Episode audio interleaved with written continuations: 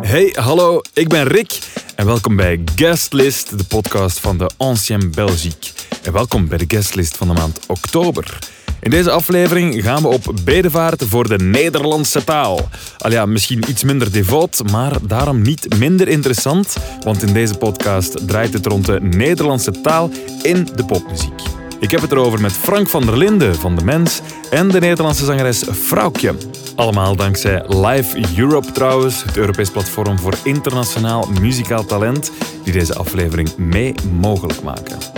Verder in deze aflevering zoek ik ook uit wat de K-pop ons te bieden heeft en stuur ik een artiest naar een concert waar je ze niet meteen zou verwachten, maar niet zonder eerst verslag te halen bij Tessa Dixon. De Brusselse die speelde hier nog maar net een uitverkochte show in de AB en ze ging, dat heb je gehoord in de vorige aflevering, voor ons een kijkje nemen bij de rockers van Brickville. Hallo Tessa Dixon. Hi, Rick. How are you? I'm fine, how are you? Good. Quite good. Thank you. Well, um, first of all, let's talk a little bit about your own concert. You did a concert in the yeah the big AB venue in the big hall of AB. How was the experience? It was um it was intense. It was really intense. It was uh I mean it was a beautiful thing. It really was. I mean I was so nervous. Um I also was sick and was having the worst day ever. Oh. Um yeah, I was really it was just not a good day and I was just like I just want to get this over with, which is horrible because it's my first big AB show and I was kind of like I want to be tomorrow already. And then the show happened, and it was it was an amazing feeling. I it was I think so many people in the crowd were just so happy to be be able to dance again and be with with a lot of people around you. I just like that's what. Uh, friends told me when they were in the crowd, just seeing everybody around, it just felt like they were all in the same energy, feeling like, wow, we're actually doing this. So it was a really beautiful, beautiful night. Um, it went really smooth. I was very happy. Uh, we had a dancer so that was there, so it was just a whole big show, and I was I was very very happy with it. So Okay. yeah, Wow. I'm very a- happy a to hear that step. i- in the end you did enjoy your own show at AB. Yeah. Well, Tessa, that's one show in AB. Yes. But I've sent you to another show as well. It was a show by Brickville. It's not quite the place where people would expect Tessa Dixon to go to, but you went there. How was Brickville in AB? It was good. I mean, it, I was first of all, it was my first concert that I went to go see for like a super long time. So for Wow. already just that was like super exciting for me.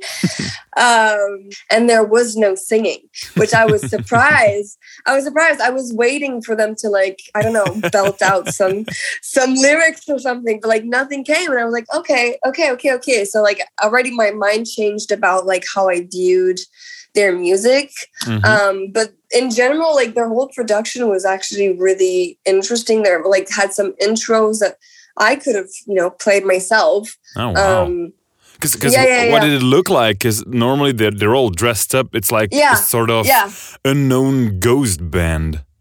Yeah it's very kind of like anonymous kind of meets venice uh halloween kind of vibe.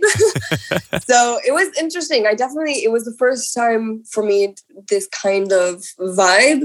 Um i definitely did feel like the costumes set a whole mood which was needed Mhm. I feel like with for the music, like obviously that was what they were going for.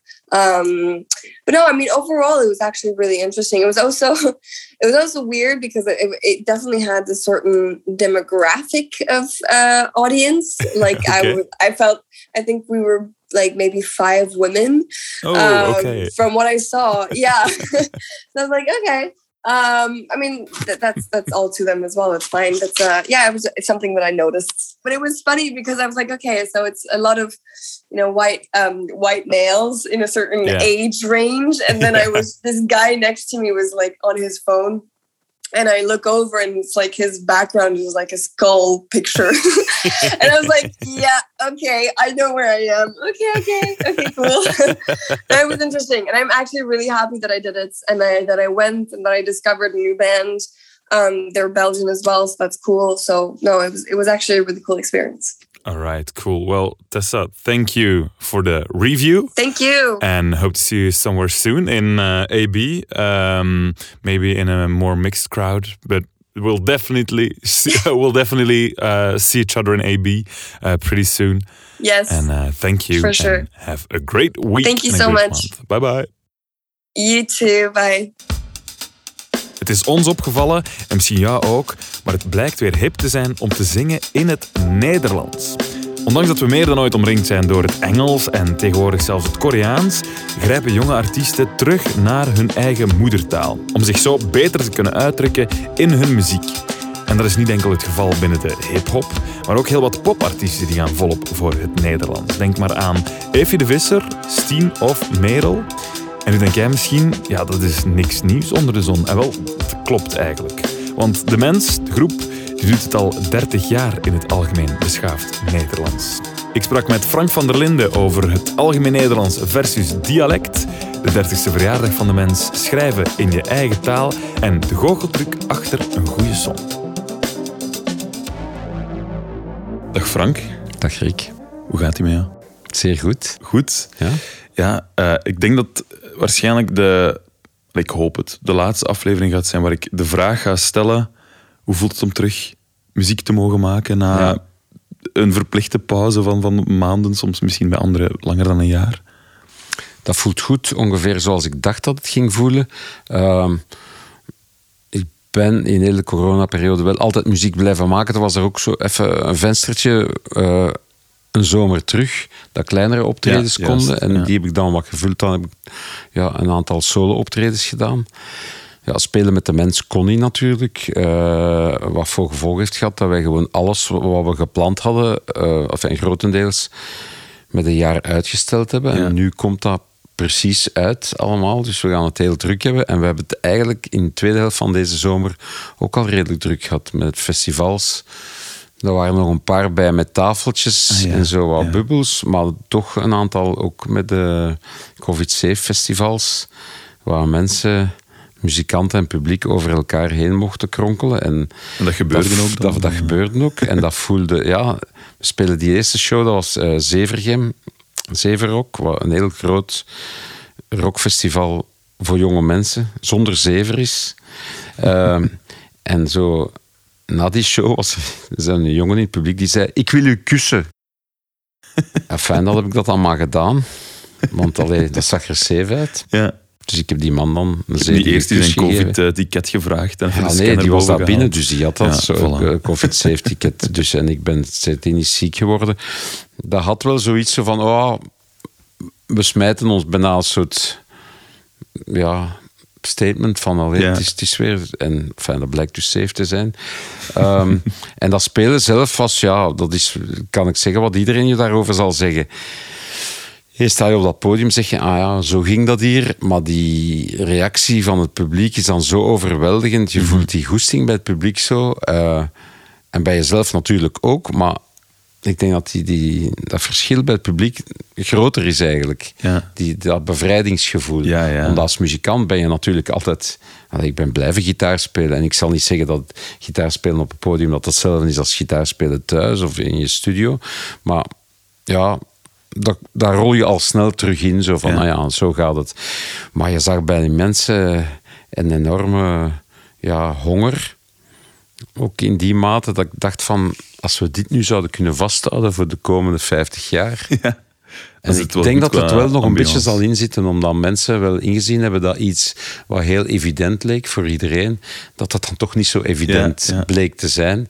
En uh, dus dat hashtag genieten nog in grotere letters mag geschreven worden. uh, ja. Alright, ik ben blij dat jij ervan genoten hebt. En uh, zelfs uh, na concerten fans begint binnen te doen, als dat de komende 50 jaar ook nog kan. Uh, graag. Ja, Frank, 40. Ja, ja, pak 50. We zitten hier vandaag om, om, om te praten over muziek, uiteraard. We zitten in de AB. Maar bij ons valt er altijd iets op van, ah ja, dit is aan het gebeuren. En ik zou het vandaag graag met jou hebben over ehm, Nederlandstalig eh, muziek maken of eh, Nederlands in de muziek. Dat is terug aan het komen. Dat lijkt, als wij het zien, meer en meer terug te zijn. Het is weer hip om in het Nederlands te zingen. Is jou dat ook opgevallen? Ja, ik ben natuurlijk al zo oud dat ik kan, kan, kan kijken naar eh, bewegingen die daarin zijn. En dat is op nog momenten gezegd geweest. En ja, eh, maar dat het zo lijkt, zal wel zijn dat het zo is. Ja. of dat het hip is, weet ik niet. Maar eh, ja, er zijn toch wel mensen die daar naar terugkeren. En inderdaad, je hebt waarschijnlijk gelijk. Er is eigenlijk ook zo de dialectgolf geweest. En, en, maar ik heb de indruk dat er nu weer een beetje een algemeen Nederlands Ja. eh, golf op komst is. En op zich, als je dat van op afstand bekijkt, is dat eigenlijk heel raar. Hè? Want ja, hoe is dat hier ook in Vlaanderen? Ik krijg nog altijd de vraag, waarom zing jij in het Nederlands? Oké, dat is een relevante vraag hier in, in, in Vlaanderen. Maar bijvoorbeeld aan een Italiaan, aan een Italiaanse muzikant die in het Italiaans zingt, en de meeste van hen doen dat, wordt die vraag nooit gesteld. Nee.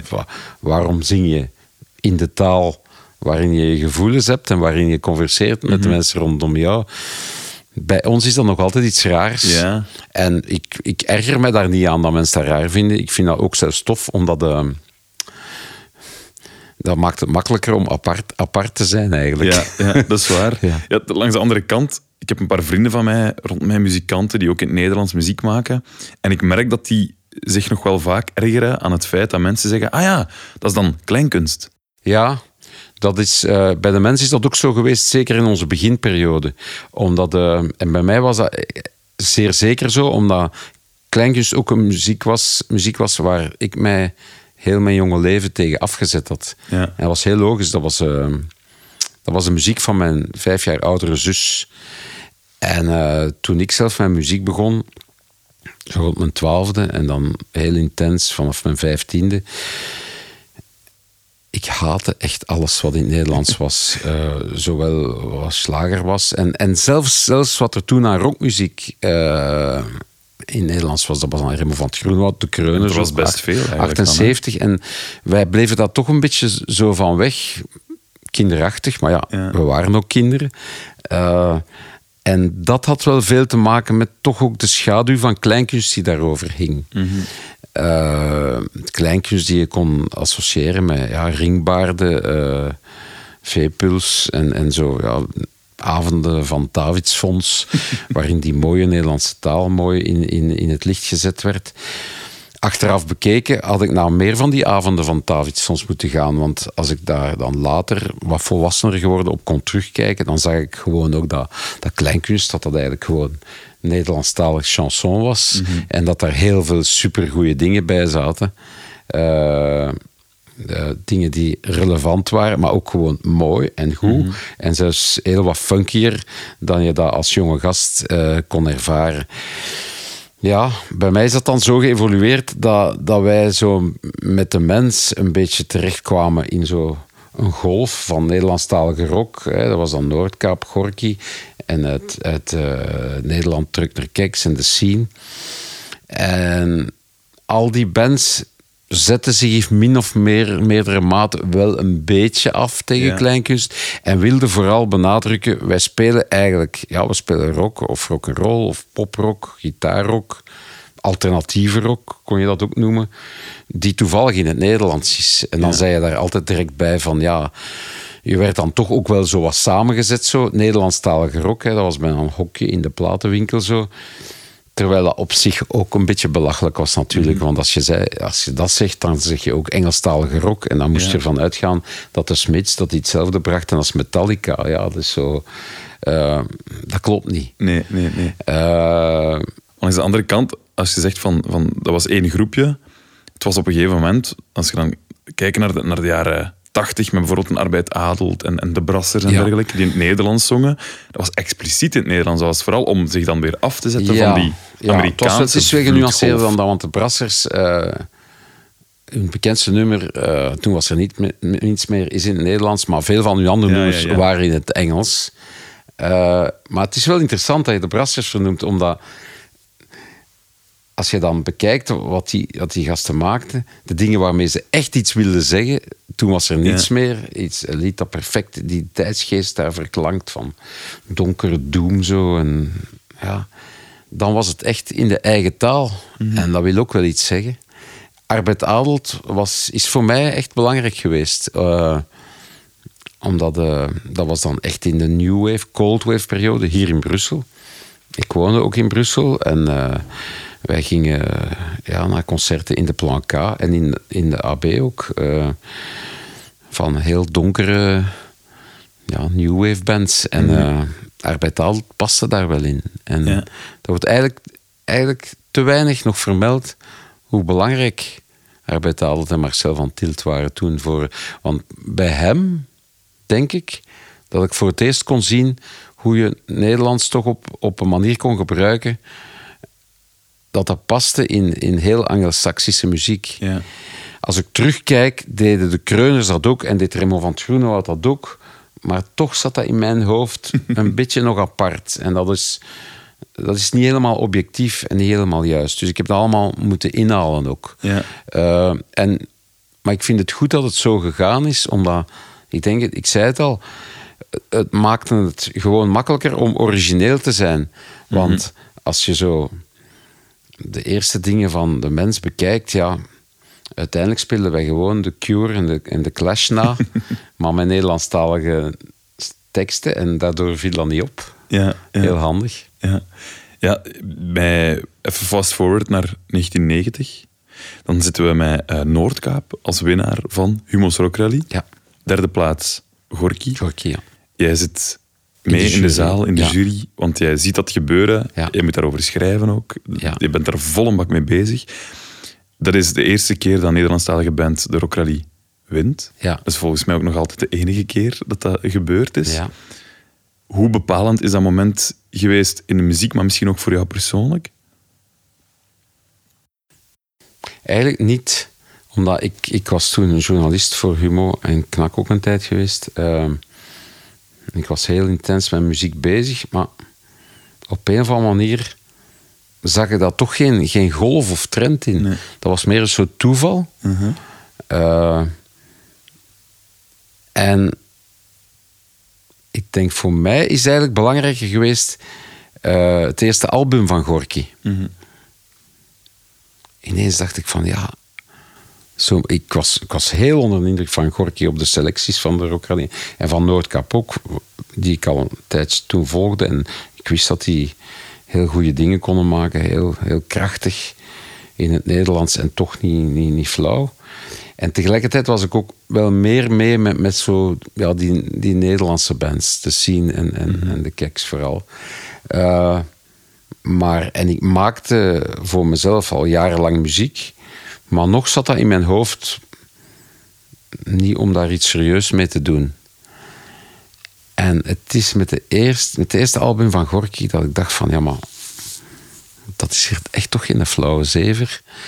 En dat ik dan een beslissing genomen heb om eh, eens proberen een paar liedjes in het Nederlands te maken. En dat is toen heel rap gegaan. Want ik zeg dat altijd voor het verhaal. Ik weet niet of het echt waar is, maar in mijn hoofd is het zo dat ik toen op tien dagen tijd nummers gemaakt heb. En dat zat Dit is mijn huis, Jeroen Brouwer schrijft een boek en Irene tussen.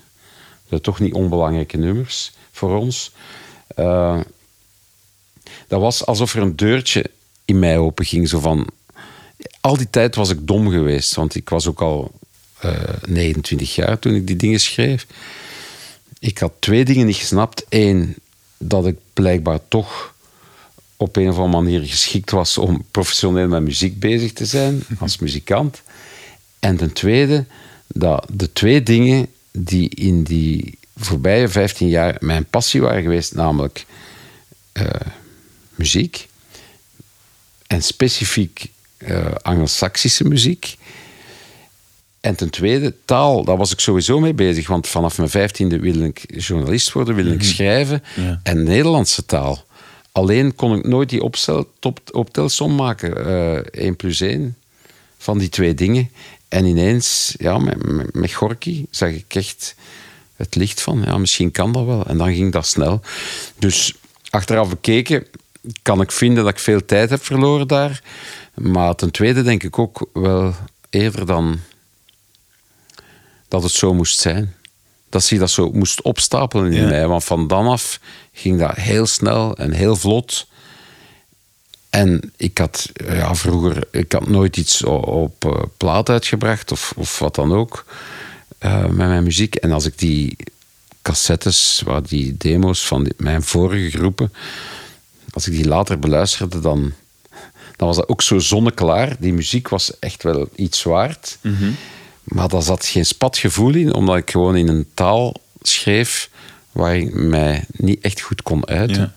En toen dat dan Nederlands eraan toegevoegd was, was dat ja, als, een, als een goocheltruc die ineens lukte zo. Ja. Je zegt van, ik heb dat moment eh, wel nodig gehad, dat deurtje dat openging. eh en dan met als aanleiding die plaat van Gorky, die iets duidelijk maakte voor jou. Ik vind dat eigenlijk ergens wel opvallend dat er altijd iemand dat voorbeeld moet geven, want dat wij toch van nature uit in een, in een cultuur zitten waarin dat we... Nee, nee, ik ga in het Engels muziek schrijven. Ja. Dat is logisch, dat is normaal. Ja. Hoe, hoe, hoe, komt dat, denk je? Is dat echt gewoon omdat we Goh. daarin zitten? Dat kan je veel, eh, de geschiedenis van Vlaanderen, ja. Het is ook iets wat ons op een manier siert. Hè. Eh, Als Belg of Vlaming eh, hebben wij altijd opengestaan voor dingen van buitenaf. Als je dat negatief bekijkt, heeft dat met zelfverloochening of zelfhaat te maken. Maar aan de andere kant zou je ook kunnen zeggen, ja, dat is, hier, dat is ook onze kracht. Dat is ook veel van de dingen die wij goed doen, hebben te maken met dat we, eh, in tegenstelling tot wat sommigen zeggen, eh, ja, dat, dat dan niet echt, dat talent dat dan niet uit Vlaanderen groeit. Talent dat, groeit, dat groeit in Vlaanderen, maar uit de rest van de wereld. Gewoon, gewoon omdat wij zo openstaan. Veel meer open dan zeker de Fransen, de, de Spanjaarden, de Italianen. En dus is dat, Engel, dat in het Engels zingen eigenlijk logisch. Alleen is dat niet altijd zo goed gelukt, want eh, ja, ik, ik wiek mijn woorden, maar veel groepen die in het Engels Wel, zongen en zingen, ja. zingen eigenlijk niet in het Engels in Vlaanderen. wel, voilà. Er is veel Dus, schabouwelijk eh, goed, Engels. maar, ja. dat kunnen we opzij zetten. Maar denk je dan, denk, als je dat dan hoort, denk je dan, ah, doe het dan toch gewoon in het Nederlands? Is dat soms een Nog verzuchting die altijd, maar ik hou, ik hou me daar een beetje tegen, omdat ik... Zeker als... Ik wil nooit een voortrekker zijn. Want nog eens, hoe meer mensen met Nederlandstalige muziek bezig zijn, hoe grotere concurrentie er is. Minder uniek Voor- de ja, mens en mij. jouw muziek wordt. Dat ten eerste. En ten tweede heb ik altijd ook het gehaat om, om, eh, om leraar te spelen en, en, en mensen iets op te dringen. Eh, ja, nee, dat moet je voor jezelf uitmaken, maar je moet het goed bekijken. Het is ook natuurlijk zo dat heel veel mensen in Vlaanderen. En dan merk je dan dat ze dan soms ook voor het dialect kiezen. Wat ik dan begrijp, dat je zegt: oké, je wil de taal gebruiken die het dichtst bij je gevoel zit. Als dat dan dialect is, vooruit. Ja. Het algemeen Nederlands waarin wij zingen en waarin voor Gorky of Noordkaap ook zong, of Bazaar, is eigenlijk ook een beetje een construct. Dat is zo, ja, dat begint al met jij en jou. Al die dingen. Dat is een Engelsman die moet daar nooit over nadenken Nee. van welk persoonlijk voornaamwoord ga ik hier gebruiken. Hier is dat al, dat is al een beslissing of je in ge gaat, dan wel in jij. Ehm, jij geeft het altijd een klein beetje iets verheveners, is niet het woord. Maar ja, alsof je wat zo'n beetje chic wil doen. En het is nog altijd zo dat heel veel Vlamingen eh, algemeen Nederlands ook een beetje verdacht vinden. Alsof iemand en, en iets kon verkopen. En dan is het, eh, ja, de truc om dat zo te doen, dat dat, eh, dat, dat toch niet zo overkomt. En als ik terugkijk, konden de Kreuners dat heel goed. Ja. Eigenlijk was Walter Groot daar een fantastische voortrekker in. En Marcel van Tilt ook met Arbeid Adelt. Om, om eh, wat zo halve schrijftaal toch in spreektaal... met spreektaal te verweven en dat daar dan muziek van te maken. En eh, Ja, want dat maakt zingen in het Nederlands dichter bij je gevoel liggen, sowieso. Daar ben ik helemaal niet mee. Maar ik denk langs de andere kant dat het dan ook moeilijker is, want je publiek is plots veel kritischer. Die kennen die taal, die hebben door... Nee, nee, manneke, die vervoeging die klopt niet. Eh, Ja. Ja, dat, is, dat spreekwoord, Ja. dat is wel wat raar. Merk je dat er een reactie op komt, op, op meer op teksten? Dus waar men, mensen zeker eh, ja, misschien meer met die teksten bezig, maar ja, ik denk dat wij dat wel in ons voordeel hebben Ja. kunnen gebruiken. Allee, ja, hoe, hoe kan ik dat zeggen zonder mezelf goed te vinden? Eh, dat is een beetje lastig. Jij moet dat nu zeggen. Hè? Eh, maar ja, ik heb dat altijd een- ook een mooie uitdaging gevonden. Want ik persoonlijk, maar ik zeg het nog eens, ik wil niets aan iemand opbrengen. Ik vind ge in muziek, ik word daar gek van. En dan zeker als het ook inconsequent wordt gebruikt, is ge en je door elkaar. En ja, ik vind dat wij, maar ook een aantal anderen, en zo kan ik het dan wel zo wat verleggen, dat toch een soort goed evenwicht in Ja. gevonden hebben om, om dat toch eh, Maar- te doen swingen eigenlijk. Ik heb het gevoel dat je er wel mee bezig bent. Dat als jij een tekst aan het schrijven bent en je merkt van het bekt nu beter als ik de taalregels links laat liggen, maar je gaat dat wel heel goed beseffen dat dat aan het gebeuren is. Ja, ja. Ik denk dat dat, dat iets is waar ik wel... Ik ben daarmee bezig. eh, maar ik heb daar wel een soort automatisme in. Eh, het is waar, soms kan je een beetje iets plooien en dan wordt het meer te onthouden. Dat is daar zo een beetje spelen tegen die grens van... Is dit fout of is dit goed? Maar het moet vooral goed, goed aanvoelen. voelen. En voor mezelf heb ik daar eigenlijk geen enkel probleem mee. Wat is, eh, af en toe geef ik zo workshops, eh songs schrijven. Of eh, ik geef zelfs vanaf dit jaar les op het Lemmens Instituut, het conservatorium in Leuven, in dat vak. Wat ook Engelstalige liedjes, het kan ook over Engelstalige liedjes gaan. Maar ja, als ik dan naar iemand anders kijk en die probeert te helpen met zijn of haar liedjes, dan let ik daar nauwer op eigenlijk. En dat is eigenlijk heel simpel. Je, je moet dat bekijken. Ik gebruikte dan net al het woord goocheltruc, hè. Maar liedjes zijn een goocheltruc, maar nog meer zijn liedjes eh, een soort droom. Waarbij je als luisteraar kan in meegaan of niet. Want het is iemand die zingt en het moet lijken alsof dat hij uit zijn hart zingt. Maar ja, als je het objectief bekijkt, echt recht uit zijn hart kan dat niet zijn, want die moet ook ondertussen gitaar spelen en op de juiste pedalen eh, duwen. Enfin, het is dus ook iets technisch, iets dat je moet kunnen. In meer of, meer, eh, meer of mindere mate. Maar op het moment dat dat liedje gebracht wordt, moet de luisteraar helemaal in die droom zitten van ja, hier worden gevoelens besproken, vrolijk, somber, wat dan ook, die van die zanger of zangeres zijn, maar die ook van mij zijn. hè. Want ik zeg altijd, als het goed is, gaat een liedje over degene die er naar luistert, niet over degene die het schrijft of brengt. En daarvoor is een soort, ja, dat is bijna een soort afspraak met de luisteraar die je maakt. Dat je zegt, ik ga nu die truc voor jou performen en jij gaat er totaal in geloven. Ja. hè. Dat is eigenlijk net hetzelfde met een film schrijven en zo. Dus je moet die, dat ongeloof, dat moet je e- eigenlijk even opheffen. Zo. En dan is eh, taal natuurlijk een heel belangrijk middel. Muziek ook, hè. bepaalde akkoorden die dan ineens vloeken in je nummer. Ja, je moet die zo goed doen vloeken dat het toch speciaal is en tof en interessant. Maar niet dat dat zo is van, hé, hey, dat klopt hier niet. Want dan is de luisteraar uit de droom. En hetzelfde met taal. Het is de bedoeling dat mensen jou min of meer volgen in die tekst. Daarvoor moeten ze niet helemaal begrijpen of doorgronden of zelfs helemaal verstaan. Dat kunnen sommige dingen zelfs onverstaanbaar zijn. Maar het is muziek en dus een droom waarin mensen moeten meegaan. En als daar in die taal dingen zijn die storen en afleiden en de luisteraar terugbrengen bij het idee van ah ja, hier is mij iemand iets op de mouw aan het spelden. Ja, dan is het fout. Ja. beter kan ik het niet definiëren. En Nee, je hebt dat nee. bij sommigen... Nu, ik hoor veel dingen die ook succes hebben. Eh, eigenlijk vooral bijvoorbeeld in de hedendaagse min of meer Nederlandstalige rap. Dat ik zeg, ik zou dat niet zo doen, want dat haalt je uit de droom. Gasten die verschillende registers naast elkaar, geweldig, die met ge beginnen en dan, of met zo een licht Antwerps accent. Allee. Je hebt nu veel rappers die zo een beetje een Braschaat accent hebben. En dan, ik denk, dat kan niet. Allee, de- je, moet eigenlijk wel een accent hebben van de stad.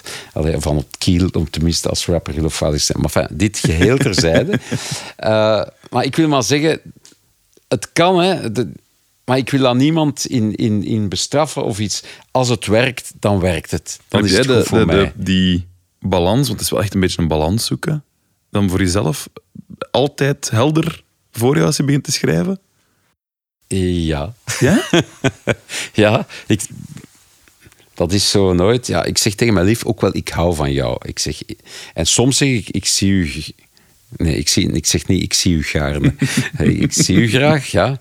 Maar automatisch, als ik liedjes maak, dan kom, kom ik in een soort register terecht waar ik niet over moet nadenken, Ja. ja. Want je zegt zelf, ik vind het grappig dat je zegt, ja, het, het moet uit je hart komen, maar het is vooral, je moet doen geloven dat het uit jouw hart Ja. komt. Jij schrijft ook teksten voor andere muzikanten soms. Voor Clouseau heb je al dingen geschreven. Recent, ik las een, eh, een interview met Bart KL, dat jij daar ook iets mee te maken had Mhm. Ja, met die eh, teksten. ja, ja. Ja. Eh, ten eerste, hoe is dat gekomen dat je met Bart KL teksten gaat schrijven? En ten tweede, hoe, hoe is dat dan? Maar eerst dat, Dat zijn eerste. veel hoe vragen, ben jij bij Bart allemaal KL vragen in één. Hè. Ja, dat met Bart, dat was Jan Leijers. Dat, had, soms schrijf ik met Jan Leijers samen, vaak voor Clouseau. Mhm. En dat is heel tof, want dat is eigenlijk met hem, dat is een heel goede vriend van mij. En, en dat, dat voelt niet als werk aan. Dus Mhm. af en toe doen wij sessies dat we gewoon samen zitten en, en, en zo wat bullshitten. En dan, dan komt er soms iets uit. En we hadden een liedje dat we ooit begonnen waren voor Clouseau. eh, maar dat we zo niet verder gegaan was. En, en ineens bedacht Jan van, ja, eigenlijk zou dat iets goed zijn voor Bart Kael. Ja, een mens heeft wel eens vreemde gedachten. Maar dat, hij had groot gelijk in die gedachten. En dan hebben we dat afgewerkt en aangeboden aan Bart Kael. En die heeft dan nu als zijn nieuwe single opgenomen. Maar verder zou ik dat dus niet anders geschreven hebben. Het is niet dat jij Als in ik- een... Dan denk, denk je van, ik kruip nu in het register van Bart Nee. of ik kruip nu in het register van Nee, maar dat is ook omdat ik dat samen doe met Jan. Want mensen denken dikwijls dat ik in zo'n samenwerking dat ik de tekst maak. Ja. Allee, dat is altijd lichtjes beledigend voor mij. Dat mensen denken dat ik geen muziek kan maken. Maar alle nummers die ik voor Clouseau geschreven heb eh, met Jan, is, zijn de tekst en de muziek 50-50 verdeeld. Eh, Er zijn sommige dingen waar, hij eigenlijk grootste stukken van de tekst geschreven heeft. En dan af, dan doe je wel zo'n beetje aan typecasting. Als je specifiek de vraag krijgt om voor Clouseau nog wat nummers te maken, dan is het normaal. Dan zeg je, oké, ik ben Koen, ik sta in het Sportpaleis, wat wil ik zingen? En Ja. zo begin je. Dat is een Ja. heel fijne manier om te beginnen. Eh, maar dat register verschilt niet zoveel van de dingen die ik voor mezelf maak. Ja.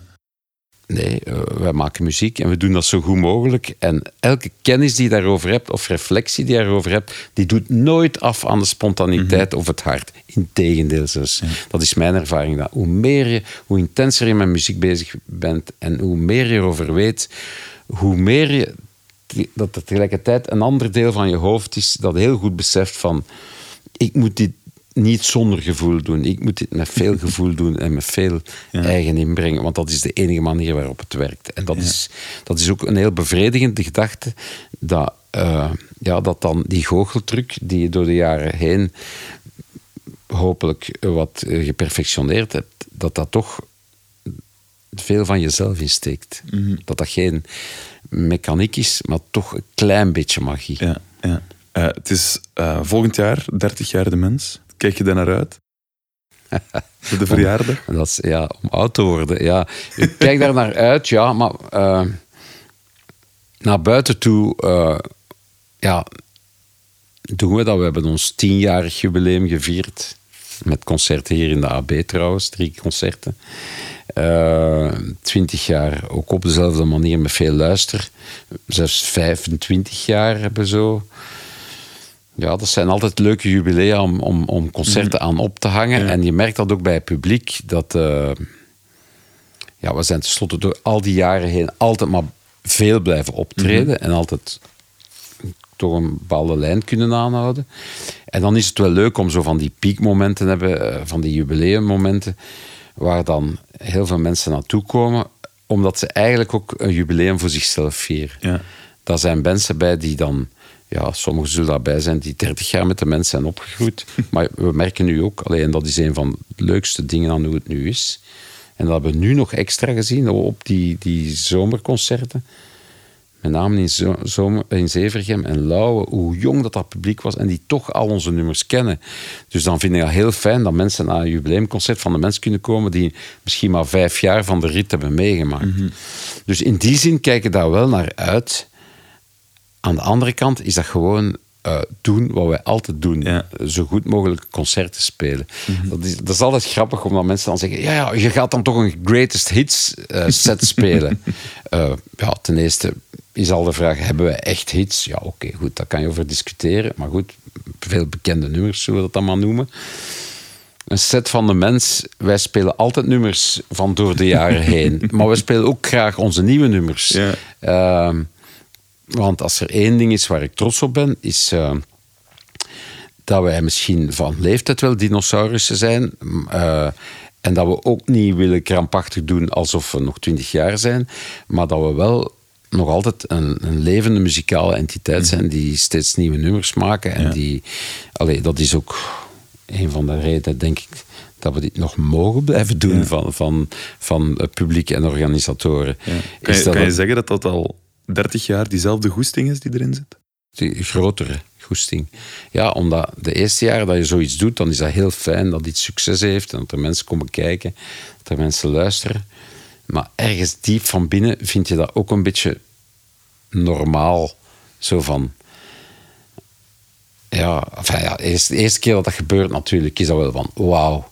Maar je raakt daar heel snel. En zo die eerste jaren dat je dan doorgebroken tussen aanhalingstekens bent, dan ben je eigenlijk vaak ook een beetje verwaand. Zo. Dan, dan komt er echt zo'n moment dat je dat normaal gaat vinden.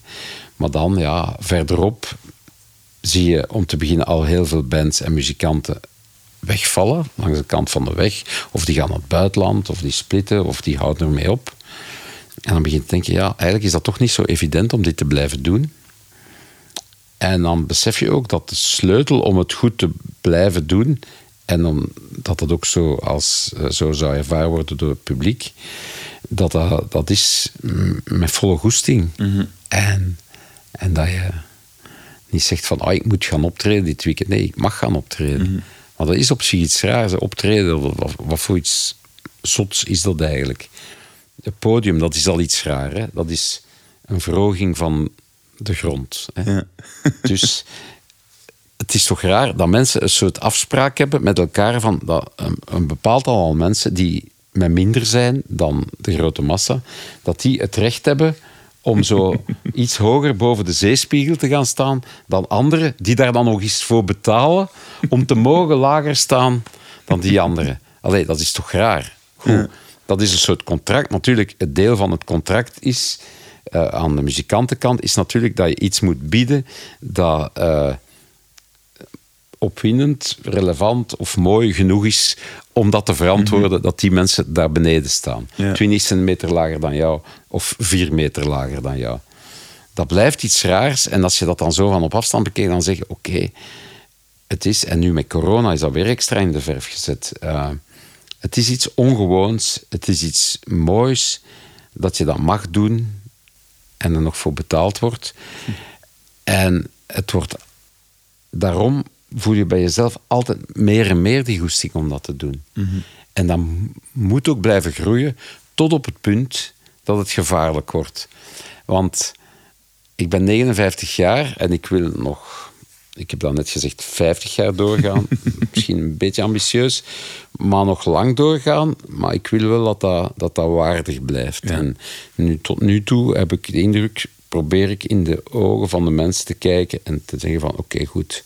Er is niemand die daar een punt van maakt. Van het feit dat die band al zo lang bezig is en dat die personen al zo lang rondlopen.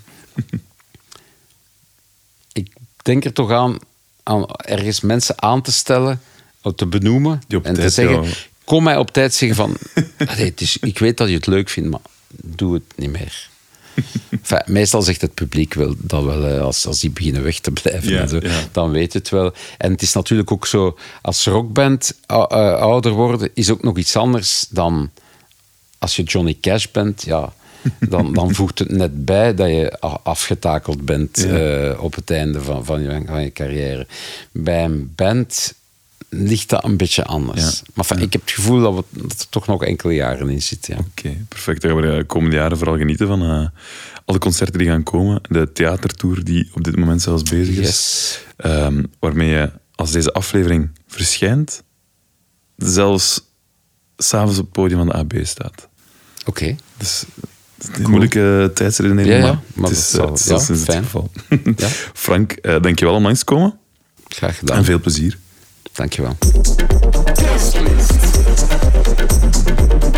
Met de Netflix-serie Squid Game is de Koreaanse hype een eh, feit, denk ik. Hè? Miljoenen mensen die streamden de serie en eh, die krijgen zo misschien wel voor het eerst een inkijk in de cultuur van Zuid-Korea. Maar wij, muziekfans, wij weten wel beter. Want de term K-pop, Korean pop, die gonst al langer door de gangen van de muziek. En dus ook door de gangen van de AB. En nu ook Coldplay een nummer met de K-pop-apostelen van BTS uit heeft, is er volgens mij reden genoeg om het voor eens en voor altijd af te kloppen. Wat is dat nu met die K-pop? Ik vraag het aan drie experts. Frey Ankaart, muziekverantwoordelijke bij radiozender Energie. Inge de Vogelaren, producer bij Q Music. En Jonas Boel, journalist bij Knak Focus. Ik bel hen op met de vraag: K-pop, overrated of underrated? ik denk dat, dat je het moeilijk kunt overraten, eerlijk gezegd. Om, omdat het gewoon zo een, een gigantisch groot fenomeen is. Uh, geen een van de twee zou ik zeggen.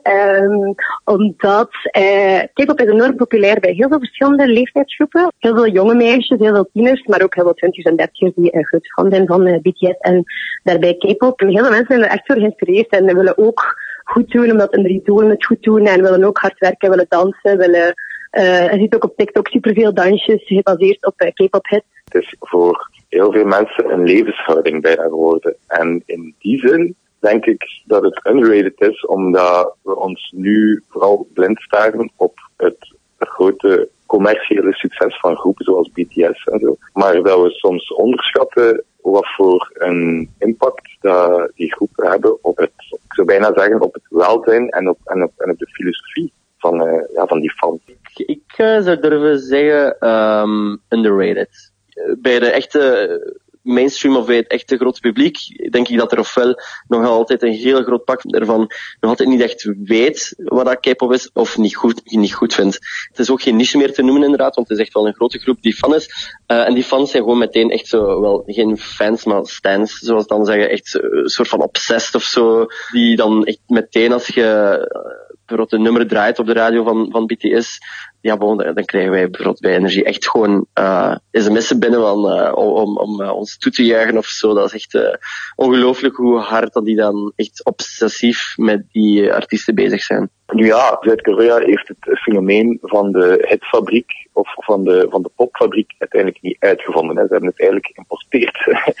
Ze hebben het misschien wel op heel erg grote schaal toegepast in Zuid-Korea in de K-pop en, en het zeer ja, beetje typisch zeker uh, in het oosten, geprofessionaliseerd, verbeterd, misschien zelfs, als je dat zo kan zeggen.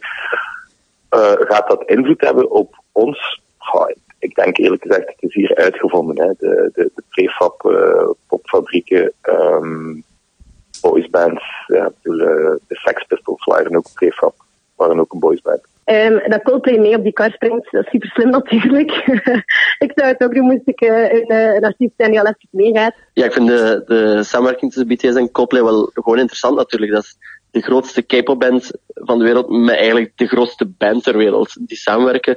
Um, ja, toen ik het uh, voor de eerste keer zag van, oké, die twee samen, dat, dit, wordt echt huge. Um, dat is heel cool dat die, dat die twee elkaar mieten, denk ik. Ja, we gaan dat uiteraard uh, meer zien. Het is een gigantische markt. Op termijn zie ik zeker andere artiesten daar aansluiting bij zoeken. Uh, al was het gewoon uh, puur om ja, commerciële redenen. Maar ik denk ook wel oprecht dat Chris Martin gewoon heel veel talent zag in BTS. Hij heeft ook hun werk allemaal bekeken. Hij is zelfs naar Seoul gevlogen om het um, ja, samen te gaan opnemen. Ik denk dat hij gewoon bovenop zijn respect en bovenop zijn fascinatie voor die groep, dat ook gewoon een heel slimme zet was van hen. En ze hebben er een, ja, denk ik wel een goede popsong van gemaakt.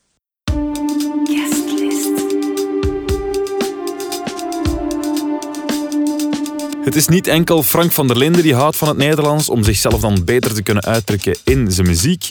Nee, ook heel wat piepjonge artiesten die zoeken het vaker en vaker bij onze goede oude Nederlandse taal. En Fraukje is er zo een. Ze is 20 jaar, komt uit Nieuwkoop, Nederland. Dat is ergens eh, onderweg tussen Rotterdam en Amsterdam. En ze maakt stevige popnummers in haar eigen moedertaal. En terwijl iedereen de lockdown even alles op pauze zag gaan, ontpopte Frauke zich te midden van die lockdown tot een Nederlandstalige stembuis van een jonge generatie. Ik heb het met Vrouwtje over muziek als therapie, de gevoelens van haar fans en heavy metal. Jawel. Dag Vrouwtje. Hallo? Vrouwtje staat hier eh, vanavond in Ancien Belgique. Het is ehm, een staand publiek Yes. voor de verandering. Ja. En dat is eigenlijk ook best wel nieuw voor jou, denk ik. Hè? Eh, ja. ja, wij hebben alleen van de zomer een aantal shows voor staan publiek gedaan. En eh, ja, dan ook veel in België, omdat dat hier eerder komt dan bij ons. Ehm, maar dit is voor het eerst voor staan publiek, zeg maar, met, met ticketverkoop voor echt voor ons. Dus Ja. Dus dat is echt een, een first hier in de, in de AB. Ja. Ja. je zegt het zelf, daarvoor heel veel andere dingen. Want ja, je hebt bij heel veel zittend publiek gespeeld. Want eigenlijk is jouw, ik ga het een doorbraak noemen, dat is een groot woord, maar een doorbraak een beetje gebeurd te midden van corona, te midden van die hele eh, pandemie die de wereld in zijn greep had, begon jij ineens superveel vaart te maken, dingen te doen, opgepikt te worden. Ehm, hoe ging dat juist allemaal in zijn werk? Ehm, nou, ik heb echt vlak voordat de eerste lockdown was, heb ik mijn eerste single uitgebracht. Eh, over klimaatverandering verandering ging dat liedje. En dat werd eigenlijk al heel snel opgepikt bij eh nou, 3FM in Nederland. En eh, ja, eigenlijk toen, toen verder gegaan met, met nog een single, Ik wil dansen. En getekend bij Top Notch. Nou ja, eigenlijk, dat is allemaal zo in een vogel. Echt gewoon een trein die vertrokken is. zo. Ja, echt Ja. bizar. En het is nog maar ja, nog niet eens twee jaar bezig. Dus dat eh, Ja. ja, is heel gek. En aan de andere kant denk ik dat het ook gek is, want je zit in die corona-pandemie en iedereen is zo even stilgevallen en, en begint aan de een soort van zelfreflectie waar je dan in terechtkomt. En voor jou, het omgekeerde, ineens begint alles super druk te worden. Ja. Hoe, hoe ervaarde je dat tegenover jouw omgeving?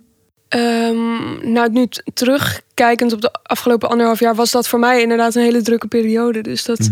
eh, ja, ik denk dat ik dat, dat best wel anders heb ervaren dan veel mensen. Aan de Ja. andere kant heb ik ook wel veel binnengezeten natuurlijk. En echt eh, wel lockdown gehad. En dat, dat was ook wel gek dat er dus zoveel gebeurt. Dat- er zoveel in je leven aan het veranderen is. En ik was ineens weer terug bij... Ik woonde weer terug bij mijn ouders even een tijdje. Oh en ja. dus die stilstand in combinatie met die enorme vooruitgang die eh, ja, en voor mij persoonlijk eh, plaatsvond, dat, ja, dat was wel heel gek. Het is sowieso een hele, hele gekke tijd geweest. eh, nog Ja, steeds ja. ook wel. Ja, ja, dat is sowieso een gekke... Weet je nog een moment dat je dacht van, waar ben ik in beland?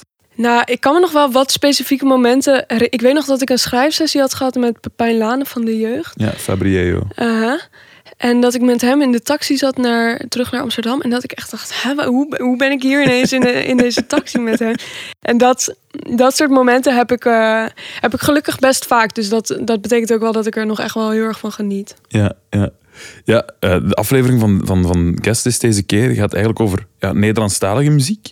En eh, ik heb een, een stuk geluisterd van de podcast Use J van Fabrieo ook, Ja. waar jij eh, te gast in was. Heel interessant gesprek ook over wat je allemaal aan het doen bent en, en waar je mee bezig bent. En ehm, daar zeg je dat je echt heel specifiek gekozen hebt om in het Nederlands te zingen. Is, is dat echt zo? Moet je er echt zo geloven als in, ja, dit is gewoon mijn ding. Engelstalig is zelfs nooit in jou opgekomen? Ehm, nee, ik heb best wat Engelstalig geschreven. Ik denk zelfs dat ik ben, eh, echt serieus ben gaan schrijven in het Engels. Ehm, maar ja, voor mij, eh, ook toen ik, ik studeerde aan het conservatorium en ook daar heb ik nog best wel veel in het Engels geschreven. En het, ik, vo- ik voel daar echt wel veel minder connectie met mijn liedjes als ik dat Ah ja. eh, niet in mijn eigen taal doe. En ja, voor mij is die vrijheid die ik voel in- binnen de Nederlandse taal, omdat ik die zo goed beheers, is eh, ja, dat maakt het veel leuker en veel eerlijker wat ik maak.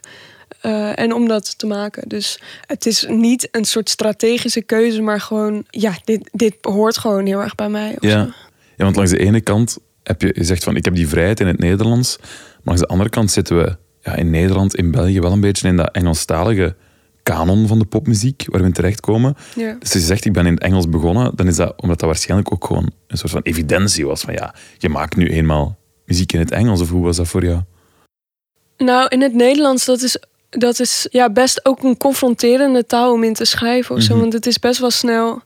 eh, nou, het is ook de taal waarin jij en ik nu aan het praten zijn. En waar, dus in het, het Engels voelt wat veiliger. Het is ook een wat zachtere taal. Het Nederlands is best wel hard. Wij hebben die harde G's en die har- best wel harde klanken. zeker, ja. Ja, en het, eh, ja, wij, we hebben een veel hardere G.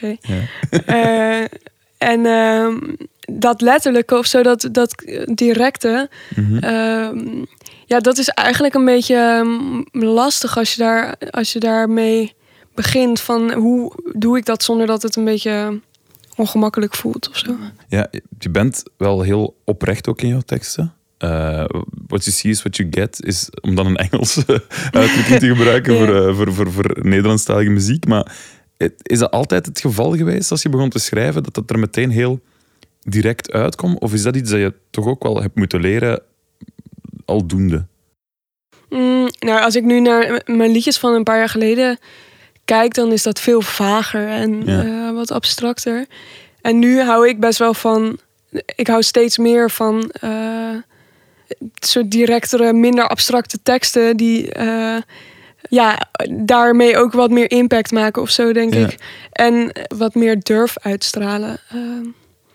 Al is alles met beeldspraak en je hebt van die woorden die iedereen vaak gebruikt, dingen, uit- een metafoor uit Ja. het weer en weet ik, dat is allemaal prachtig. Maar Ja. ik vind het een leuke uitdaging om ook woorden te gebruiken die eigenlijk gewoon best wel eh, een soort niet hele esthetische woorden zijn, maar die Die wel eh, hard kunnen ja, overkomen of ja, en binnenkomen. gewoon, gewoon wat omschrijven wat, de- hoe het is of zo, de, Ja. de wereld en het leven. Ja, ik ben maar eens- uiteindelijk maar een stukje ouder dan jij. Eh, maar in mijn tijd, nu klink ik als een oude man, hè? maar in mijn tijd, ik had altijd, het leek rond mij dat Nederlandstalige muziek, dat was iets voor ofwel voor kinderen, en dan zat je bij de, bij de Studio 100-achtige, K3-achtige dingen, zonder eh, verwijt, of voor de oudere mensen, en dan zat je bij de kleinkunst. Maar zo de popmuziek voor 16 tot 25-jarigen, die was bijna nooit in het Nederlands en dat werd vaak zelfs als iets kinderachtigs gezien. Is dat iets dat jij ook eh, ervaren hebt? Of, of Ja, voor, in mijn herinnering was, was Nederlandstalig eh, toen, ik, toen ik jong was, dat was meteen volksmuziek, zeg Ja. maar. eh, ja, dan dacht ik aan Hazes of zo. ja, En- ja, bij jullie uit de Jordaan komen dan Ja, al die volkszangers uit Amsterdam. Ja, en dat, ja, dat was helemaal niet hip. Dat was, dat was een beetje. eh, Maar dat is echt wel heel erg veranderd de afgelopen jaren. De, op een gegeven moment was er ook een soort nieuwe golf van Nederlandstalige hiphop die Mhm. ontzettend succesvol werd. En dus ook een soort urban kant van, eh, van Nederlandstalig weer een boost gaf. Maar in de, ja, in de pop, dat is eigenlijk nog best wel recent. Dat, ik kan me ook nog wel herinneren dat grote popartiesten zoals Maan of zo, dat die Ja. ook nog wel dan eerst in het Engels gingen. eh, Ah, ja. muziek gingen maken. En eh, nu is daar gewoon heel veel markt voor, voor die Nederlandstalige muziek. Ja. Mensen vinden dat heel leuk. Ja, ja. ja, ze zegt van vroeger die, die, die connotatie van zo. Ja, het is volksmuziek of het komt uit, ja, uit Jordaan. Het zijn de. André Hazes van deze wereld, senior, junior. Dan is dat iets waar je soms nog tegen moet vechten. Tegen die, die bepaalde vooroordelen dan? Ja, dat idee heb ik op zich niet. Omdat voor mij is de, de muziekindustrie op dit moment is dat zo welkom. Of zo, eh, de Nederland, Nederlandstalige alternatieve pop. Dat eh, ja, ik niet het idee heb van... Nou, je, ik krijg best wel vaak reacties of, of berichten van... Nou, ik hou normaal niet van Nederlandstalig, Ja. maar, eh, Maar, bij jou ja. wel. En dan denk ik ook af en toe van... Ja, maar dan heb je gewoon niet goed gezocht. Er is namelijk best wel heel veel mooie alternatieve Nederlandstalige muziek... die eh, daar helemaal niks mee te maken heeft. En er gewoon, of het nou beter of, mi- of minder is, dat staat er los van of zo. Dus ehm, nee, ik heb niet het gevoel dat ik, dat ik een bepaald eh, vooroordeel moet, moet wegwerken. Als je naar Nederlandstalige muziek wil luisteren, dan vind je mij wel ook, denk ik. Ja. ja. Je zegt er is inderdaad heel veel te vinden, Nederlandstalig. Eh, ik denk aan bijvoorbeeld Evie de Visser, die ook, ze woont in Gent, is, is in België ook best, best groot. Is er een zekere verwantschap? Voel je een zekere verwantschap met, met iemand als Evie de Visser? Nou, zij was wel, ehm, toen ik een jaar of 14 was, een van de eerste mensen bij wie ik dat. Nou, waar, bij wie dat die muziek mij heel erg aansprak en dat het in, in het Nederlands was. Ehm, dat, had, dat had ik daarvoor eigenlijk ook niet, had ik daar ook niet echt iets mee. Nee. Want Ehm, wat luisterde jij als, als je zo tussen je 12 en je 16? Je zegt Evie de Visser wel vanaf, vanaf je 14. Ja, maar- ja, absoluut. Maar ik, ja, ik was in die periode zelf heel fanatiek metalhead. Dus ik luisterde eigenlijk alleen maar naar ja. metal. Eh, Enkel echt zo, de meeste metalheads gaan dan inderdaad all in op die metal. Was bij jou Ja, ook? dat is wel een beetje het ding of zo. Ja. Dat, dat is echt een lifestyle. Nou, bij mij was dat ook wel zo, maar ehm, ik heb ook heel veel geluisterd naar nou, de Police of de Beatles Ja. of eh, En, en Jeff hoe zag je er toen uit? Had je ook echt de outfit, de large magazine leeggekocht aan... eh, Het viel wel mee. Ik had wel, ik had wel altijd merch, zeg maar. En dan, dat, dat was ook wel, dat spaarde ik. En ik had een heel specifiek ding. En dat, is een, dat heet een battle jacket. En dat is zeg maar een spijkerjas zonder mouwen. uh-huh. Ehm, en dan spaarde ik allemaal van die patches van, van metal bands. Met de En- logo's van die ja, metal bands. Ja, en dat, eh, dat En naaide je die er zelf op, of ja, dat naaide ik ja. er zelf op. Dat was echt mijn hobby. Eh, en voor de rest... die- eh, ja, jacket? die doe ik nooit weg. Nee, dat is echt dat is mijn Maar verzamelitem. Die draag je niet meer eh, uit. Nee, ik heb eh, hem echt, echt jarenlang dag in dag uitgedragen. En eh, ik heb hem eh, een paar jaar geleden in de kast gehangen. Ja. En eh, als een soort museumstuk van mijn leven. Maar Ja, ja, Ja. misschien binnenkort ooit in een kader eh, tegen de muur hangen of zo. wie weet, wie weet. Ja, het is grappig dat je zegt dat je zo hard into metal bent. Want als ik dan nu luister naar, naar de muziek die je nu hebt uitgebracht...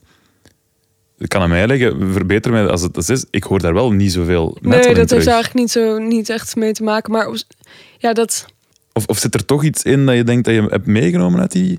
ja, dat weet ik eigenlijk niet zo goed. Ik moet ook wel zeggen, ik, ik luister dat, dat heel veel. Maar ik heb ook gedurende die hele periode veel muziek gemaakt. En, en dat had daar ook nooit echt mee te Ah, maken. echt?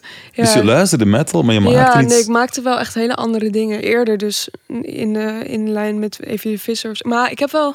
Ik heb ook veel gedrumd. En dan heb ik wel... Ja, nou ja, hield ik ook meer van een beetje funkachtige dingen. Dus ehm, Dat is echt de, de, de lifestyle en de... Maar nee, ook wel de muziek natuurlijk. ja, het was gewoon... Ik, ja, nou, ik denk... Ik, ik was daar heel weg van, maar... Ja, dat was niet iets waarvan ik nou zelf echt voor me zag van... Ik zag mezelf wel later als muzikant, maar niet echt op die manier of zo. Ja, ja. En ik maakte ook altijd wel liedjes op de manier zoals ik dat eigenlijk nu nog steeds doe. Dus gewoon, eh, ik schreef gewoon met gitaar en het was allemaal veel akoestischer. Nu, nu heb ik natuurlijk best wel dancey poptracks of Ja. zo. Eh, maar het geraamte van die liedjes is eigenlijk niet zo heel anders dan wat ik een paar jaar geleden maakte. Of zo. Ja. ja, als we het even hebben over jouw teksten. Je bent heel veel bezig met, met, met die teksten. Dat is een, een, een, ja, een wezenlijk deel van de muziek die je maakt. Ja. Dat zou je ook kunnen zeggen van een Engelstalige bent, maar tot, soms denk je dan toch ook van, "Ma, dat je toch iets langer aan die tekst mogen werken. In Nederlands, ja, het is wel, het, het moet wel goed zijn, Ja. want je publiek spreekt effectief diezelfde taal. Ja. ja, en ik ben daar heel kritisch op. Ehm, als in, ik vind Nederlands, Nederlandse teksten eigenlijk best wel snel ook net de plank misslaan of zo. Dus de, eh, ik steek daar heel veel tijd in om, om precies een soort juiste snaar te raken die Mhm. niet, niet eh, cringy is of zo. En dat, dat is soms best moeilijk. Af en toe kijk ik wel terug op dingen die ik heb geschreven en dan denk ik, oh ja, dat had ik nu weer anders gedaan. Maar ja, het, nee, dat is wel heel, een heel belangrijk onderdeel van, eh, van wat En ik is maak. het dan, als je zegt van cringy, is dat dan omdat het te gemaakt is? Of, of hoe, hoe... Nou, je hebt een beetje twee kanten van, van eh, dat, nou ja, rond dat middelpunt wat ik dan probeer te, te vangen. En het is aan de ene kant een soort teksten van lage kwaliteit, wat, wat mij betreft. Ja. Ehm, ik ga geen namen noemen, maar eh, waarvan ik dan denk, ah ja, dit, ja, dit zit gewoon niet, vind ik gewoon niet goed in elkaar Mhm. zitten en gewoon. Ja. eh, ja, duidelijk geschreven door iemand die minder vaardig is in het schrijven van tekst. Dan heb je nog een soort bedoelerige. eh, soort dat ik denk, oeh, dit zit zo volgesmeerd met metaforen. Dat, dat je denkt, de, hier heb ik mij ook echt schuldig aan gemaakt. Ja. Maar dat het. ehm, ja, dat, is dat vind ik eigenlijk allebei. ehm, wil ik daar een beetje van wegblijven. Dus ehm, een soort van. De, de directheid en de. En van de.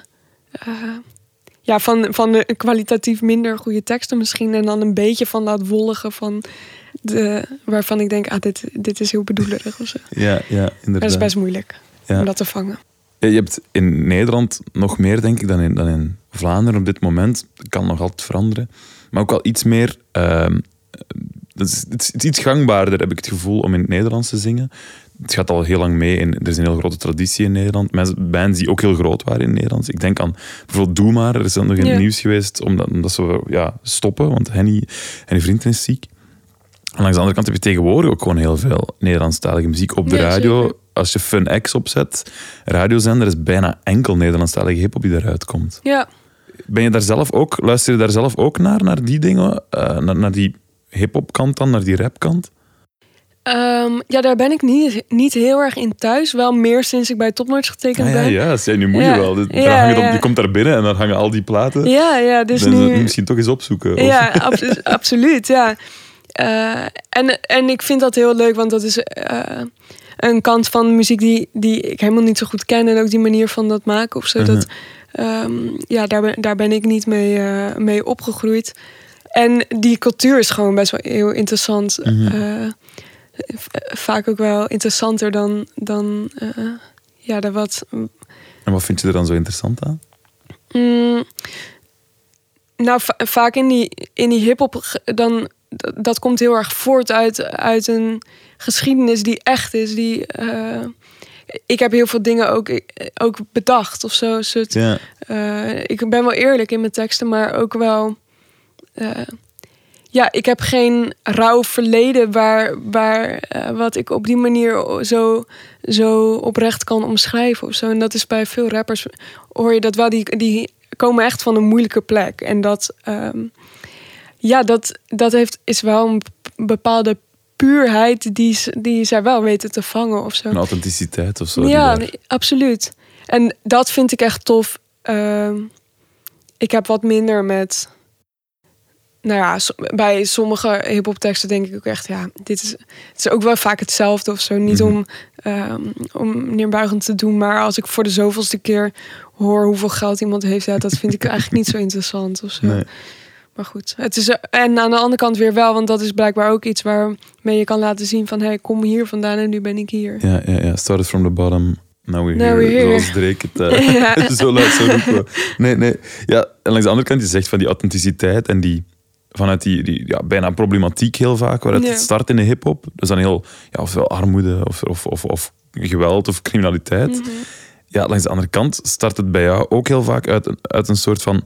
Problematiek is een groot woord, hè? maar het gaat ook al heel vaak over... ehm, oftewel je eigen persoonlijke problemen. Ja. je zegt er net zelf, het nummer dat je geschreven hebt, waarin dat de opdracht niet weer was en je bent dan over het klimaat iets beginnen. Dat is eigenlijk ook wel een problematiek waar je in zit. Ja, ik hou wel heel erg van. ehm, ik, ik zat ook laatst te kijken en ik heb echt. Volgens mij is 95% van mijn liedjes is in mineur. Ik hou gewoon heel erg van. Ja. dat ik, kan, ik kan ook moeilijk iets, iets heel. Ja, dat, dat past helemaal niet bij mij om iets, om iets heel optimistisch te maken of zo. En dat is niet omdat, ik, omdat het zo slecht met mij gaat, maar gewoon dat ik vind die eh, manier van kijken naar de wereld is meer iets waar, of meer een manier om dat te verwerken dan. ehm, ja, da- daar zit, daar zit, dat is, die heeft die functie voor mij, eh, die Is muziek maken. therapeutisch ook om, om te schrijven en die muziek te maken? Eh, ja, op een bepaalde manier wel. Dat, eh, ik merk ook dat ik goed schrijf als ik, als ik eerlijker schrijf als ik, als ik me niet goed voel. Of zo. En dat, dat zullen heel veel mensen hebben. Dus ja, ik hou wel heel erg van een, be- een bepaalde donkere kant omschrijven. eh, zon- hopelijk zonder dat dat een soort overkomt als... Wat zei ik je nou eigenlijk of zo? Ja, ja, ja, ja. Maar dat schijnt, ja, dat lijkt mee te vallen. Mhm. En zou je dat, want je dan zegt van ja, als ik ongelukkiger ben, dan, dan vloeit het allemaal iets gemakkelijker of zo. Ja. Zou dat dan in het Engels bijvoorbeeld veel minder direct komen? Eh, ja, ik, ik denk het wel. Ah, soms heb ik wel dat ik dan een, echt een, go- een goede zin in het Engels heb bedacht. En dat ik dat zo jammer vind. Van, ah, en dan vertaal ik dat naar het Ja. Nederlands. En dan is dat het echt helemaal niet. Eh, maar op zich, als je echt een, een goede pijnlijke zin in het Nederlands hebt gevonden... dan is die ook extra pijnlijk of zo. Ja. En dat. ehm, ik heb af en toe wel ook dat ik tijdens het schrijven. Ik, we, ik weet altijd dat het goed is als, als het mij zelf raakt of zo. Dat ik Mhm. denk, ah, ik, ik, ik voel hier iets heel echt bij. En dat, ehm, ja, dat die afstand is er meer in het Engels. Mhm. Ja. Ja, het is eh, opvallend. Hè? Hoe, hoe, je zegt 95% van mijn muziek is in mineur. Het is ook iets waar je wel, ik heb de indruk dat je dat ook wel aanmoedigt bij je fans. En, en ligt dat aan, aan jou of ligt dat aan in de generatie? Want je zou dat van Billy Eilish ook kunnen zeggen. Is dat die, die eerlijkheid en, en het werkt ook wel. Er is een stukje van jou, eh, een stukje tekst, dat in veel TikTok ehm, ja, tik- in- in- terugkomt. O- Over welk stukje is dat weer? Ik denk, eh, het wordt later, ik zie een sukkel in de spiegel en ik haat haar. Ja. Dat, eh, nou ja, het, het wrangen, of tenminste wat, ik, ik ben heel gek op, op, mijn fans vind ik altijd vreemd om te zeggen, maar eh, ik ben heel dankbaar voor hun. Maar die mu- muziek maak ik, maak ik niet voor hun of zo. zo dat doe ik echt, dat, dat draait allemaal best wel om mij. Dat, ja, dat, ik zou graag willen dat ik kon zeggen, nou, ik probeer echt een boegbeeld te zijn. Dus ik eh, verzamel al jullie gevoel en ik, en ik verwoord het. Ehm, maar het, het is ja, evident dat, dat ik als jong persoon raakvlak heb met de problematiek van andere jonge personen. Dus dat, en dat is wel bijzonder. Eigenlijk, eigenlijk zijn we als mensen ook niet zo heel verschillend van elkaar. Iedereen dealt met dezelfde dingen. Ja. Ehm, en ik denk dat, dat heel veel mensen wel eens in de spiegel hebben gekeken en dat gevoel hebben gehad. Ehm, Want verbaast het jou dan als ik bijvoorbeeld Billy Eilish erbij haal? Nee, helemaal niet. Daar, dat is een vergelijking die heel eh, vanzelfsprekend is. Ook zij is ongeveer even oud als ik. En eh, heeft daarin ook best wel veel betekend voor... eh, ja, ik denk veel jonge meiden, maar gewoon mensen, jonge mensen. Of nou, gewoon mensen in het algemeen. Ja. Ehm, het is ook wel een beetje. Je zou, het is, er zit ook wel iets problematisch in dat romantiseren van, van eh, hè, ongelukkig Tristesse zijn en, te- en- en, ja. te- en ellende. Ehm, want dat is ook wel iets waar, waarvan ik, het soort- ik vind dat een, een waardevol deel van mezelf. Of zo. Terwijl eigenlijk, eh, waarom zou je mensen aansporen om, om of inspireren om zoiets te voelen of zo. Ja. En toch is het, is het wel belangrijk en ook een, een, eh, ja, een, een kant van het leven die inherent aanwezig is of zo. Dus we, Ja, want waarom- het aanmoedigen, je hebt eh, een Discord-server ja, en die heet ehm? Ik voel me ik kut voel en ik wil en ik wil wat. ja, Ja, dan, dan ga je het natuurlijk wel... Allee, dat is een plek creëren om, om, om die gevoelens wel de vrije loop te laten gaan, toch? Ja, ja. En hopelijk daarmee eh, wat vooruitgang te boeken. Dat was toen op een gegeven moment was het in de winter mm, was dan nou weer een lockdown en eh, we waren allemaal heel erg lockdown moe, denk ik. En toen had ik een, een post gemaakt met de vraag van hoe gaat het eh, met jullie? Eigenlijk niet echt met een hele grote bedoeling daarachter, maar eh, ja, toen waren heel veel mensen echt wel eenzaam en gewoon ehm, op zoek naar, naar een soort uitlaatklep of, of in ieder geval iets wat prikkelt. Ja. Ehm, en die plek is voor. eh, het is heel leuk. Ik heb ook wel eens een foto gezien van dat mensen uit die Discord eh, elkaar hebben ontmoet en zo. Ah, ja, wauw. Dus dat is. Ook een soort van, van gemeenschap Ja. bijna die je creëert. Ja, dat is echt heel vet. Dat, dat er dus, al zijn het er maar, maar tien of zo, als die daar wat aan hebben en, en weten van ah, vanavond kan ik inloggen op die server. En dus ik, ik heb dat als tiener ook fijn gevonden. Dat ik ehm, met mensen die niet direct heel veel van mij weten of zo, eh, toch kan delen van, nou, ik voel me zo, eh, ja, hoe, hoe zit dat bij jullie? Ja. En elkaar daar een beetje in kunnen helpen. Het is gek nu dat we er iets langer over praten. En je zegt van die tristesse en die, dat, dat extreme, dat een deel van jou is. Nu snap ik die metal ook wel meer. Er zit ook Ja. heel veel extreme eh, gevoelens in die, die naar buiten, echt, die anders geen plek krijgen, die dan via die muziek, hup, even naar buiten gooit. Ja, en dat is het mooie van kunst, is dat je mm, eigenlijk op een hele veilige manier eh, die, die grenzen daarvan op kan zoeken en dat heel erg kan voelen terwijl je het maakt en, en het consumeert, maar er ook weer afstand van kan doen of zo. Eh, en eh, kunst is ook een, een ideale plek om, om, ik vind overdrijven een te negatieve connotatie hebben, maar om, eh, nou in ieder geval dat alle ruimte te geven die Ja. jij als persoon voelt. En die ook wel iets gênants heeft of zo vaak naar de buitenwereld. Daar gaat, heb ik dat gezegd bijvoorbeeld ook over van...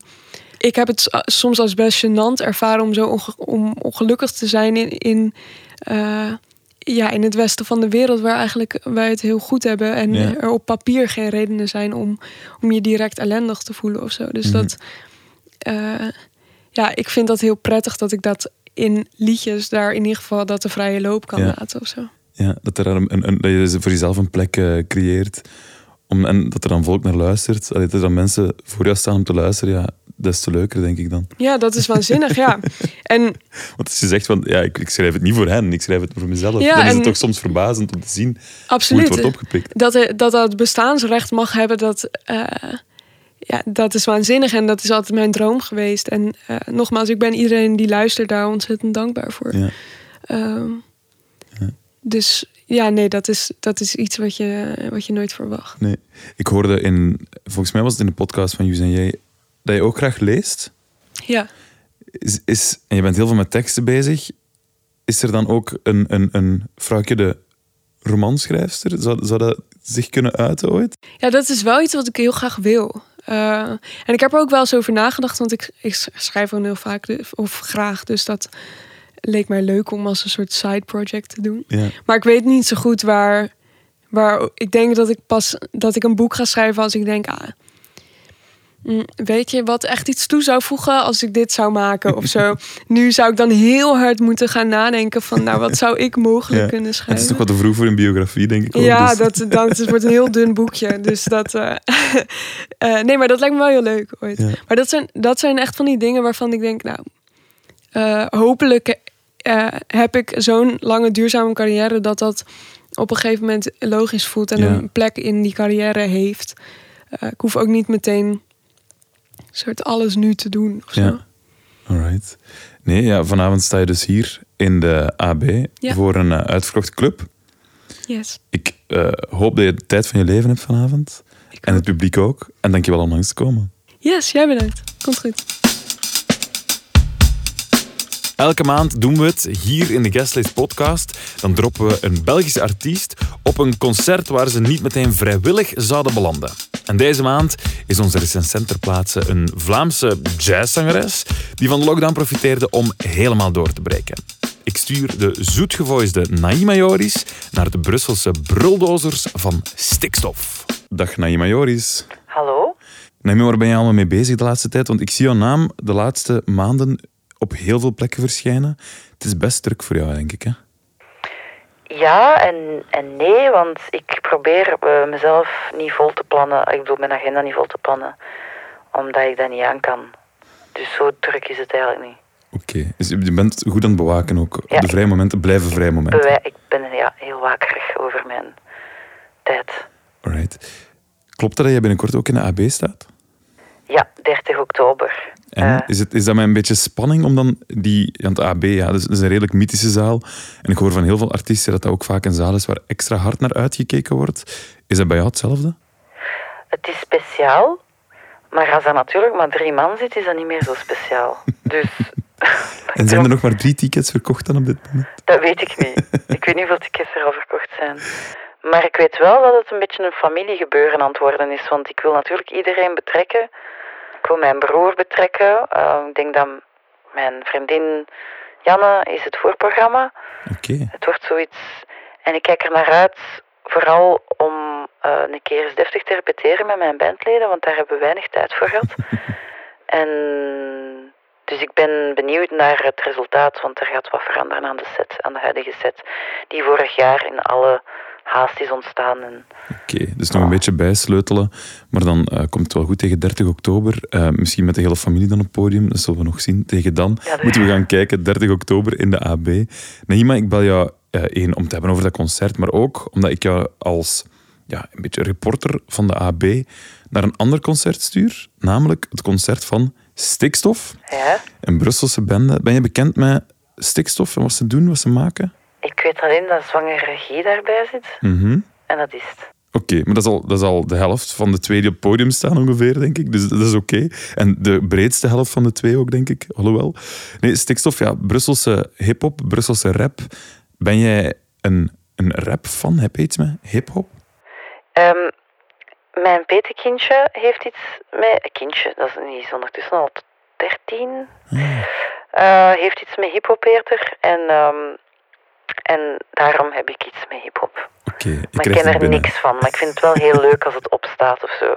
Oké. Maar dat is dan ne- Hollandse, Nederlandse hip-hop. Ah ja, ja. En ik Ja, vind dat heel grappig. Ja, stikstof heeft... ehm, ja, mensen weten van stikstof dat dat nogal grimmig kan worden. Mhm. Donker eh, en rauw en ruw. Zijn dat zaken die je gaat kunnen ehm, verwerken op het moment dat je daar voor dat podium staat? Gaat dat, is dat iets waar je naar, naar uitkijkt? Of eerder... Ik weet het niet. Ik, ik sta open voor eigenlijk heel veel. Dus het mag... eh, misschien gaat het niet rauw genoeg zijn voor mij zelfs.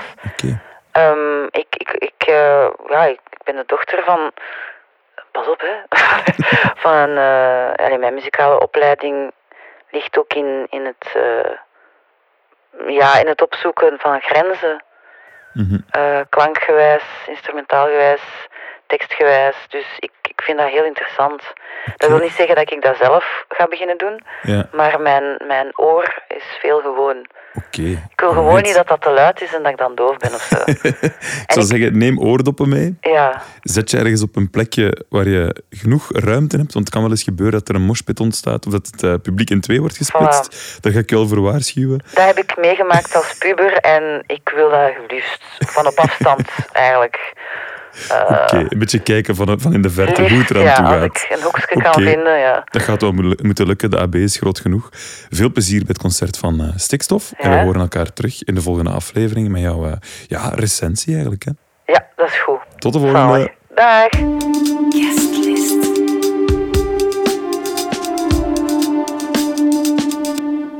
Zo, dat was hem. De zevende aflevering van Guestlist. En je weet het, als jij meer wil horen, dan moet je abonneren op het kanaal. Duw op eh, volg in Spotify en dan zit ik volgende maand opnieuw in jouw oren.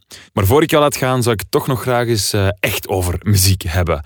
Want zonder lege handen naar huis, dat is ook geen zicht. En daarom krijg je een muzikale tip van een kenner.